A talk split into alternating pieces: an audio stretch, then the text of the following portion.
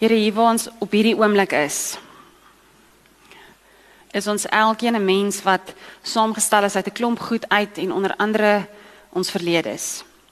Maar Here, waar ons in hierdie oomblik sit, kan ons verlede nie verander dat ons hier sit nie. Here, daarom vra ek dat U nou in hierdie oomblik met ons sal wees. En dat ons sal welkom voel in U teenwoordigheid ongeag wat in ons verlede gebeur het. Wat ons gedoen het of wat met ons gebeur het. Dankie Here dat ons in hierdie oomblik vir U kan dankie sê dat U met ons is en vir die genade om U kinders te wees. Amen. As ons oor ons verledes dink, is daar gewoonlik een van twee maniere wat ons daaroor dink. In die eerste plek is dit soos rooskleurig, daai the good old days, nê? Nee, as alles maar net weer kon wees soos wat dit was. Dit was dit was die beste tyd. Toe ons nou onlangs in Pretoria vir 'n troue was en op 'n stadium ry die is en hy sê hy sal weer hier in Pretoria kom bly. Skus. Ehm um, ek dink dit is die sorgvrye student wat daar praat. Want dit was ons studentejare in Pretoria. Jy het nie sorge gehad nie. Jou ouers het tog ingestaan vir meeste van jou probleme. So het nie worries gehad nie. Dis ek vir hom ek eh, sit tong in die kies. Ek en die Here gaan 'n ernstige gesprek met hê as hy my ooit weer terug Gauteng toe beroep. Gaan dit is baie baie ek en die Here gaan baie mooi om 'n tafel met mekaar moet wees. Maar dit is wat gebeur. Vir al as jy dan nou so soos ons nou weer in Pretoria ry en ons het gery waar ons vir die kinders gaan wys waar ons geswat. Ons het vir hulle gewys waar ons gaan bly het. Dan jy so 'n bietjie terug in daai, oh, the good old days, nê? Nee? Want dit is waar ons mekaar ontmoet het, waar jy geleer het hoe om mens te wees en nie net kind of student nie. En dis nie te sê dat waar jy nou is vir jou sleg is noodwendig nie, as jou jou verlede vir jou rooskleurig is nie. Dis net 'n lekker memory. Of ander kere miskien is jou huidige omstandighede vir jou regtig sleg. So dan is jou behoefte aan die verlede sodat jy jou hede is so sleg dat jy so wens jy kan teruggaan na die verlede toe. Want dit was alles net goed en mooi en lekker. So jou verlede is baie keer hierdie rooskleurige ding waarna jy teruggryp as jou hede nie vir jou lekker is nie of wat net vir jou lekker is om te onthou as jy daar in dit weer is. Die tweede manier hoe ons oor ons verlede dink is nou net mooi die teenoorgestelde is dat my verlede is nie rooskleurig nie. My verlede is nie iets waarna toe ek terug verlang enigsins nie want daar het slegte goed gebeur. En dan probeer jy dit of vermy of jy probeer vergeet van dit. Omdat jy nie kan vergewe nie of wat ook al. Of jou hele uitkyk op die lewe is donker en sleg want my verlede was so sleg, so wat sal nou maak dat die toekoms enigstens anders is? So dit is gewoonlik ons ding. Is of dit is hierdie rooskleurige ding of dit is hierdie slegte ding. Hmm, party van ons het dalk so het slegte oomblikke, maar dit was nie 'n slegte verlede nie. Maar die realiteit is nê dat baie van ons wat ek en jy onthou van ons verlede, is so vasgevang in ons emosies en hoe ons gevoel het in dit dat baie van wat ons onthou nie eintlik is soos wat dit regtig gebeur het nie dat ons koppe ons half mislei want as ons dinge onthou is jou kop se eerste reaksie is om jou te probeer beskerm. So as dit goed met jou gebeur, jou brein wil op 'n manier jou beskerm. So of jou brein gaan vir jou 'n storie vertel waarmee jy gemaklik is van jou verlede. So dit gaan nie heeltemal wees soos wat dit was nie, maar jy gaan dit vertel sodat dit vir jou gemaklik is om te aanvaar. Of jy gaan jouself baie rooskleurig skilder, jouself onskuldig skilder in die hele situasie want jy wil nie noodwendig met hierdie skuldgevoel saamleef nie. Of die trauma en so is so erg dat jou kop die hele tyd in hierdie veg of vlug is dat as jy weer in 'n situasie kom wat jou herinner aan daai verlede, dan gaan jy veg of vlug of vries. Ons almal ken daai storie ook as jy so saam met 'n familie saamtrek kuier of saam met jou vriende kuier en jy vertel 'n storie dan's iemand iemand is soos Hy, maar dis nie ek het onthou nie. Nee, jy daai, daai wat jy die storie vertel en dit is hoe jy dit onthou. Maar as iemand anders se deel bykom dan sê soos maar dieselfde verhaal, maar twee verskillende mense met verskillende emosies het dit verskillend ervaar en weens verskeie redes onthou hulle dit ook verskillend. Maar het julle geweet dat ons so amazing gemaak is dat ons ons koppe kan rewire? Jy kan jou brein rewire om anders te onthou. Dis scary. Jy kan so ver gaan om te sê dat jy sekere goeders wil vergeet en maak asof dit nie gebeur nie. Jou brein so erg rewire, maar dis nie wat ek bedoel nie. Ek wil nie hê jy moet nou dink jy moet jou verlede gaan probeer anders dink nie, verstaan asof dinge nie gebeur het soos wat dit gebeur het nie. Maar ons kan probeer om ons koppe te rewire dat as ons hierdie herinneringe terugroep, as ons weer in hierdie situasie is, dan reageer ons anders want ons onthou anders. Sodat wat in jou verlede gebeur het, deel is van wie jy is, want nie een van ons kan ons verlede afsny en sê dit het niks te doen met wie ek nou is nie. Dis nie waar nie. Maar dat jy na jou verlede kan kyk en dit is nie bepalend vir hoe jy reageer of hoe jy optree nie. Maar okay, dis nou 'n lang storie. Kom ons gaan kyk na drie verhale in die Bybel. Dan lees ons bietjie daaroor wat hoe kan ons verlede redefine? Hoe kan ons anders kyk na verlede? Nou in die eerste plek, ou Paulus. Paulus is vir my die perfekte voorbeeld van iemand wat se verlede totale chaos was eintlik en wat 'n ongelooflike mens uitgedraai het. Want wie was Paulus? Handelinge 8 was hy nog Saulus. Toe word Stefanus, 'n Christen, doodgemaak en hy wat Saulus is sê dis reg, maak hom dood. As jy Handelinge 8 vers 3 lees, dan lees jy Saulus het die gemeente probeer uitroei. Dis die Christelike gemeentes. Paulus het die Christene probeer uitroei. Hy het van huis na huis binne gedring, mans sowel as vroue na buite toe gesleep en hulle in die tronk laat gooi. Dit is wie Paulus was. Dit was sy geskiedenis. En toe kom Paulus tot bekering.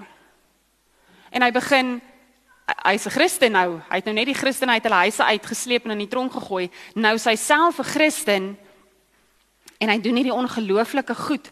Hy raak een van die beste volgelinge van Jesus. So hy wat in sy verlede vervolger van Christene is, word 'n Christen. En as jy sy storie gaan lees, was dit nie maklik nie, want nou sien 'n klomp ouens wat hom sien en dink jy dan nou net gister 'n Christen laat doodmaak en nou vandag is jy self een. Hierdie storie maak nie lekker sin nie. Maar as dit nie was dat Paulus in daai oomblik besef het sy verlede hoef nie sy toekoms te bepaal nie, het ek en jy nie nou 'n baie kleiner Bybel gehad Want dit weet julle hoe baie briewe het Paulus geskryf omtrent die hele Nuwe Testament behalwe vir die evangelies is Paulus. Nie heeltemal nie maar amper. Soos dit nie vir Paulus was nie, het ons 'n groot deel van ons Nuwe Testament nie gehad nie. As Paulus na sy bekering gedink het eintlik is ek wie ek is, ek kan nie verander nie. My verlede bepaal presies wie ek is, ek kan nie verander nie. Waar sou ons vandag gewees het sonder al die insig van Paulus? So wat leer Paulus vir ons van ons verlede? Wie jy is, wat jy gedoen het of wat met jou gebeur het, hoef nie te bepaal wat jou toekoms is of wie jy nou is nie. Jy moet jou verlede bietjie reimagine. Paulus kan nie uit sy verlede uithaal dat hy Christene doodgemaak het nie maar hy kan kies om dit te reimagine en te sê dit wat ek was, kies ek nou om anders te leef. Ons kom dan by die tweede persoon. Nou eintlik is Paulus na Petrus, maar ons gaan nou eers vir Paulus en nou vir Petrus doen. In Johannes. Ons ken vir Petrus. Wie was Petrus? Die een wat altyd geglo het, nê? Wat soos nooit getwyfel het nie en wat nooit wat altyd vir Jesus geken het. Nee. Wat het Petrus gedoen? Petrus, ons lees Johannes 18. Julle hoef nie julle Bybels daar oop te maak nie. Johannes 18 vers 25. Simon Petrus het nog daar staan en warm maak by die vuur. En hulle sê te hom: "Is jy nie ook een van sy disippels nie?" En Petrus het dit ontken. "Ek is nie." Een van die hoofpriesters se slawe, 'n familielid van een van die wat wie se oor Petrus afgekap het, het gesê: "Ek het jou mos in die tuin by hom gesien dan nie?" Petrus het dit weer ontken. Twee keer het Petrus gesê hy ken nie Jesus nie. Hy was nie naby Jesus nie, hy is een van Jesus se disippels nie. Dan sterf Jesus. En Jesus staan weer op. En dan lees ons in hoofstuk 21 dat Jesus by die see van Tiberias aan sy disippels verskyn. Nou die disippels was besig om vis te vang en is eintlik vir my baie cool storie. Hulle was besig om vis te vang en toe Jesus aan hulle verskyn, wat doen Petrus? Hy omhels vir Jesus. Nee, hy spring oorboord. Hy sê gaan, "Joe, hier moet ek wegkom." Want ek het ek het baie lelike goed teenoor hierdie man gedoen. Dan spring hy oorboord. En dan nooi Jesus die disippels en sê, "Bring die vis wat julle gevang het, kom ons gaan eet." En dan is Petrus soos, "Oké, okay. Okay. Weet wat ek gedoen het is verkeerd, maar kom ek sluk nou net dit en ek gaan maar." En dan klim hy weer terug op op die boot en hy gaan dan na Jesus toe. En dan gebeur hierdie ongelooflike mooi ding. Petrus word in sy amp herstel.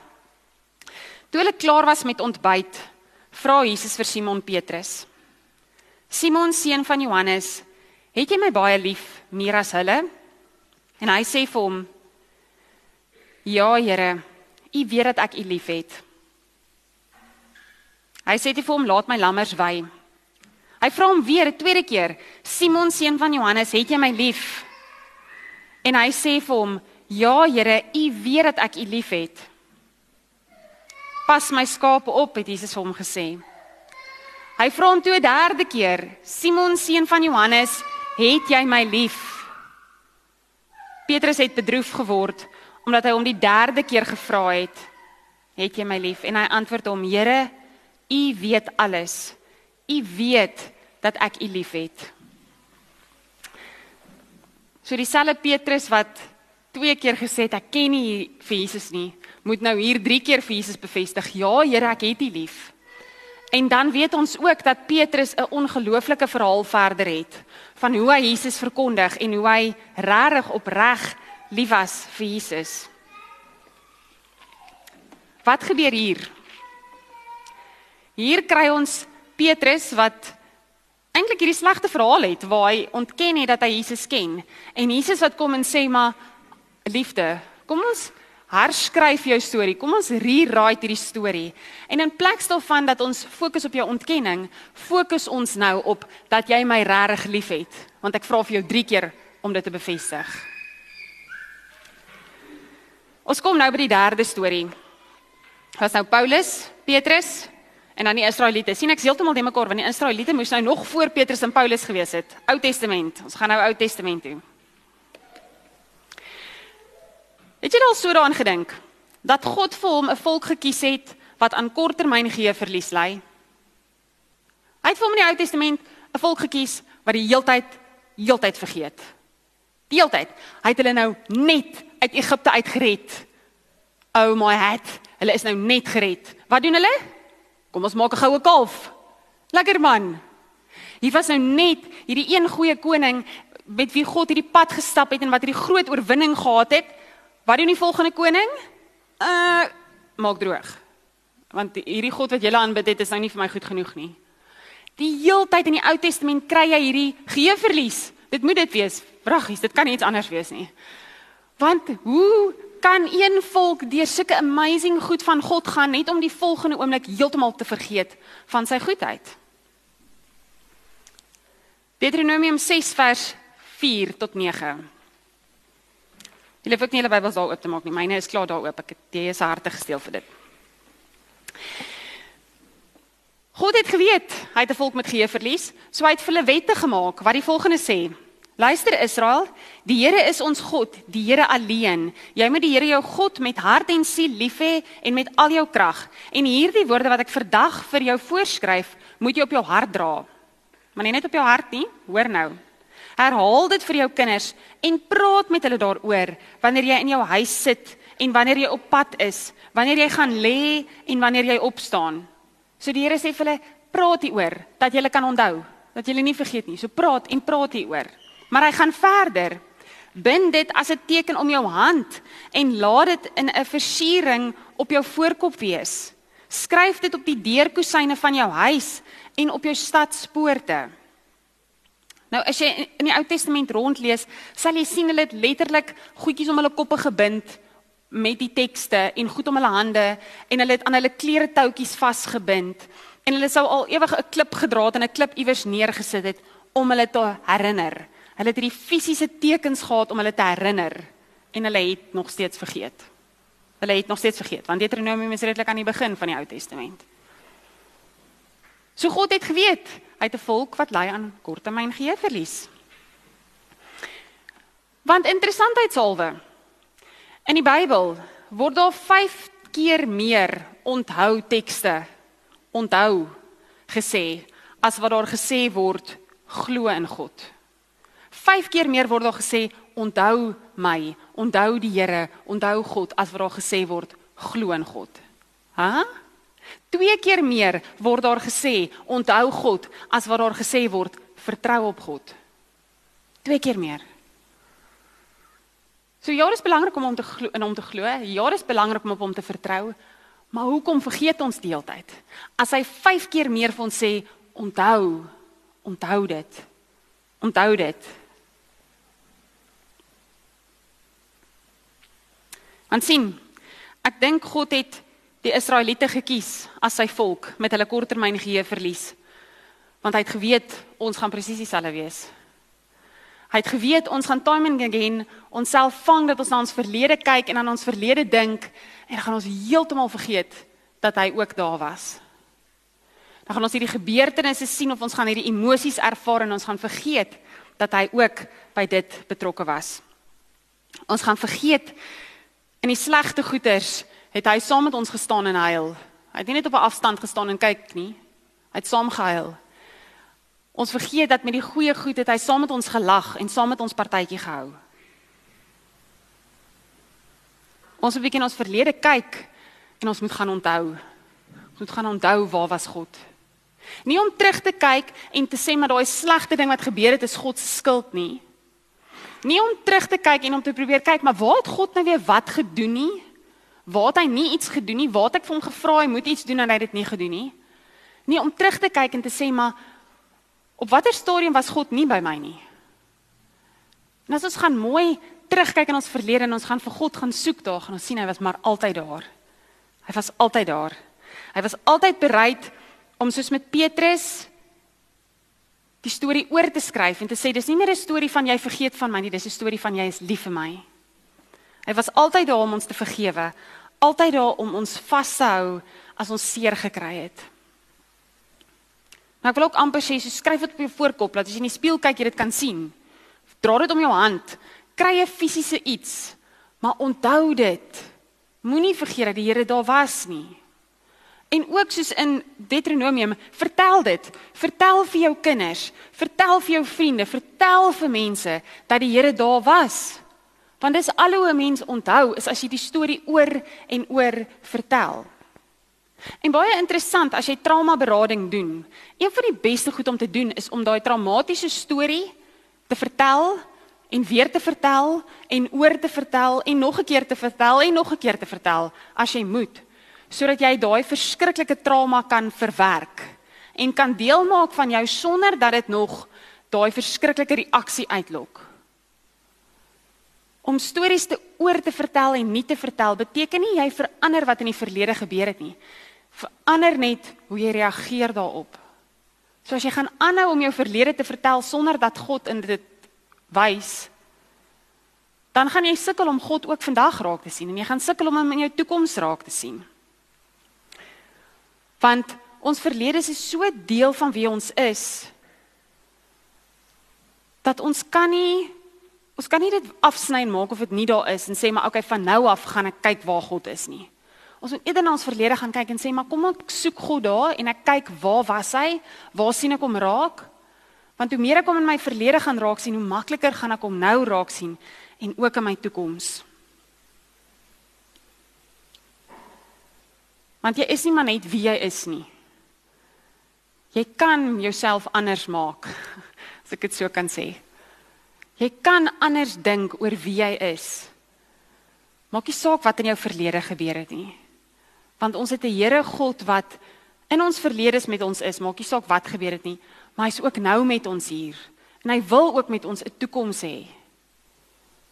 Maar dan kan ons nie bereid of dan kan ons nie toelaat dat ons verlede ons so vashou en ons so laat droom oor ag as dit maar net weer kan wees soos wat dit was of jy, my verlede is so sleg en dit is nou maar net wat dit is nie. Einste Nightbird wat nou aan die begin daai ding wat ek gelees het, sê die volgende. Even with the losses I have taken, I will walk out with more than I started with. Each shovel full of dirt was intended to bury me, but instead it, was the, it has become the mountain that I'm standing on. So elke stukkie verlede wat dalk vir jou voel of dit 'n ding is wat jou eintlik moes begrawe, moet eintlik deel raak van die berg waarop jy staan om te kan ver sien, om te kan sien hoe ver en hoe wyd God se genade vir jou is. So ons leer by Paulus dat ons ons stories moet reimagine. Ons moet reimagine dat ons kan anders wees, maak nie saak wie en wat ons is of wat ons gedoen het nie. Ons leer by Petrus dat ons ons stories moet oorskryf, dat ons moet ons fokus op 'n ander plek sit as ons ons stories oorskryf. Dat ons nie moet fokus op die slegte goed nie, maar ons moet fokus op die liefde van God en hoe hy in ons stories skryf. En dan by die Israeliete leer ons dat ons moet hervertel en oorvertel en weer vertel en onthou. Onthou. Onthou en onthou. Ek wil afsluit met Psalm 34. Ek gaan Psalm 34 vir julle uit 'n message vertaling lees. Psalm 34 is vir my ongelooflik mooi. En ek ek het ek het die afgelope week Psalm 34 gelees en ek het hom gelees in die 83 vertaling en die 2020 vertaling en die Engelse vertaling, the message vertaling, want elke vertaling het so ietsie wat vir my mooi is. Maar dit is 'n Psalm wat vir my sê as jy kies om na die Here toe te hardloop, en om hom te soek in jou verlede en jou hede en jou toekoms is dit hoe dit lyk. So sit net so ek lees dit vir ons as 'n gebed. I bless God every chance I get. My lungs expand with his praise. I live and breathe God. If things aren't going well, hear this and be happy. Join me in spreading the, the news. Together, let's get the word out. God met me more than halfway. He freed me from my anxious fears. Look at him. Give him your warmest smile. Never hide your feelings from him. When I was desperate, I called out, and God got me out of a tight spot.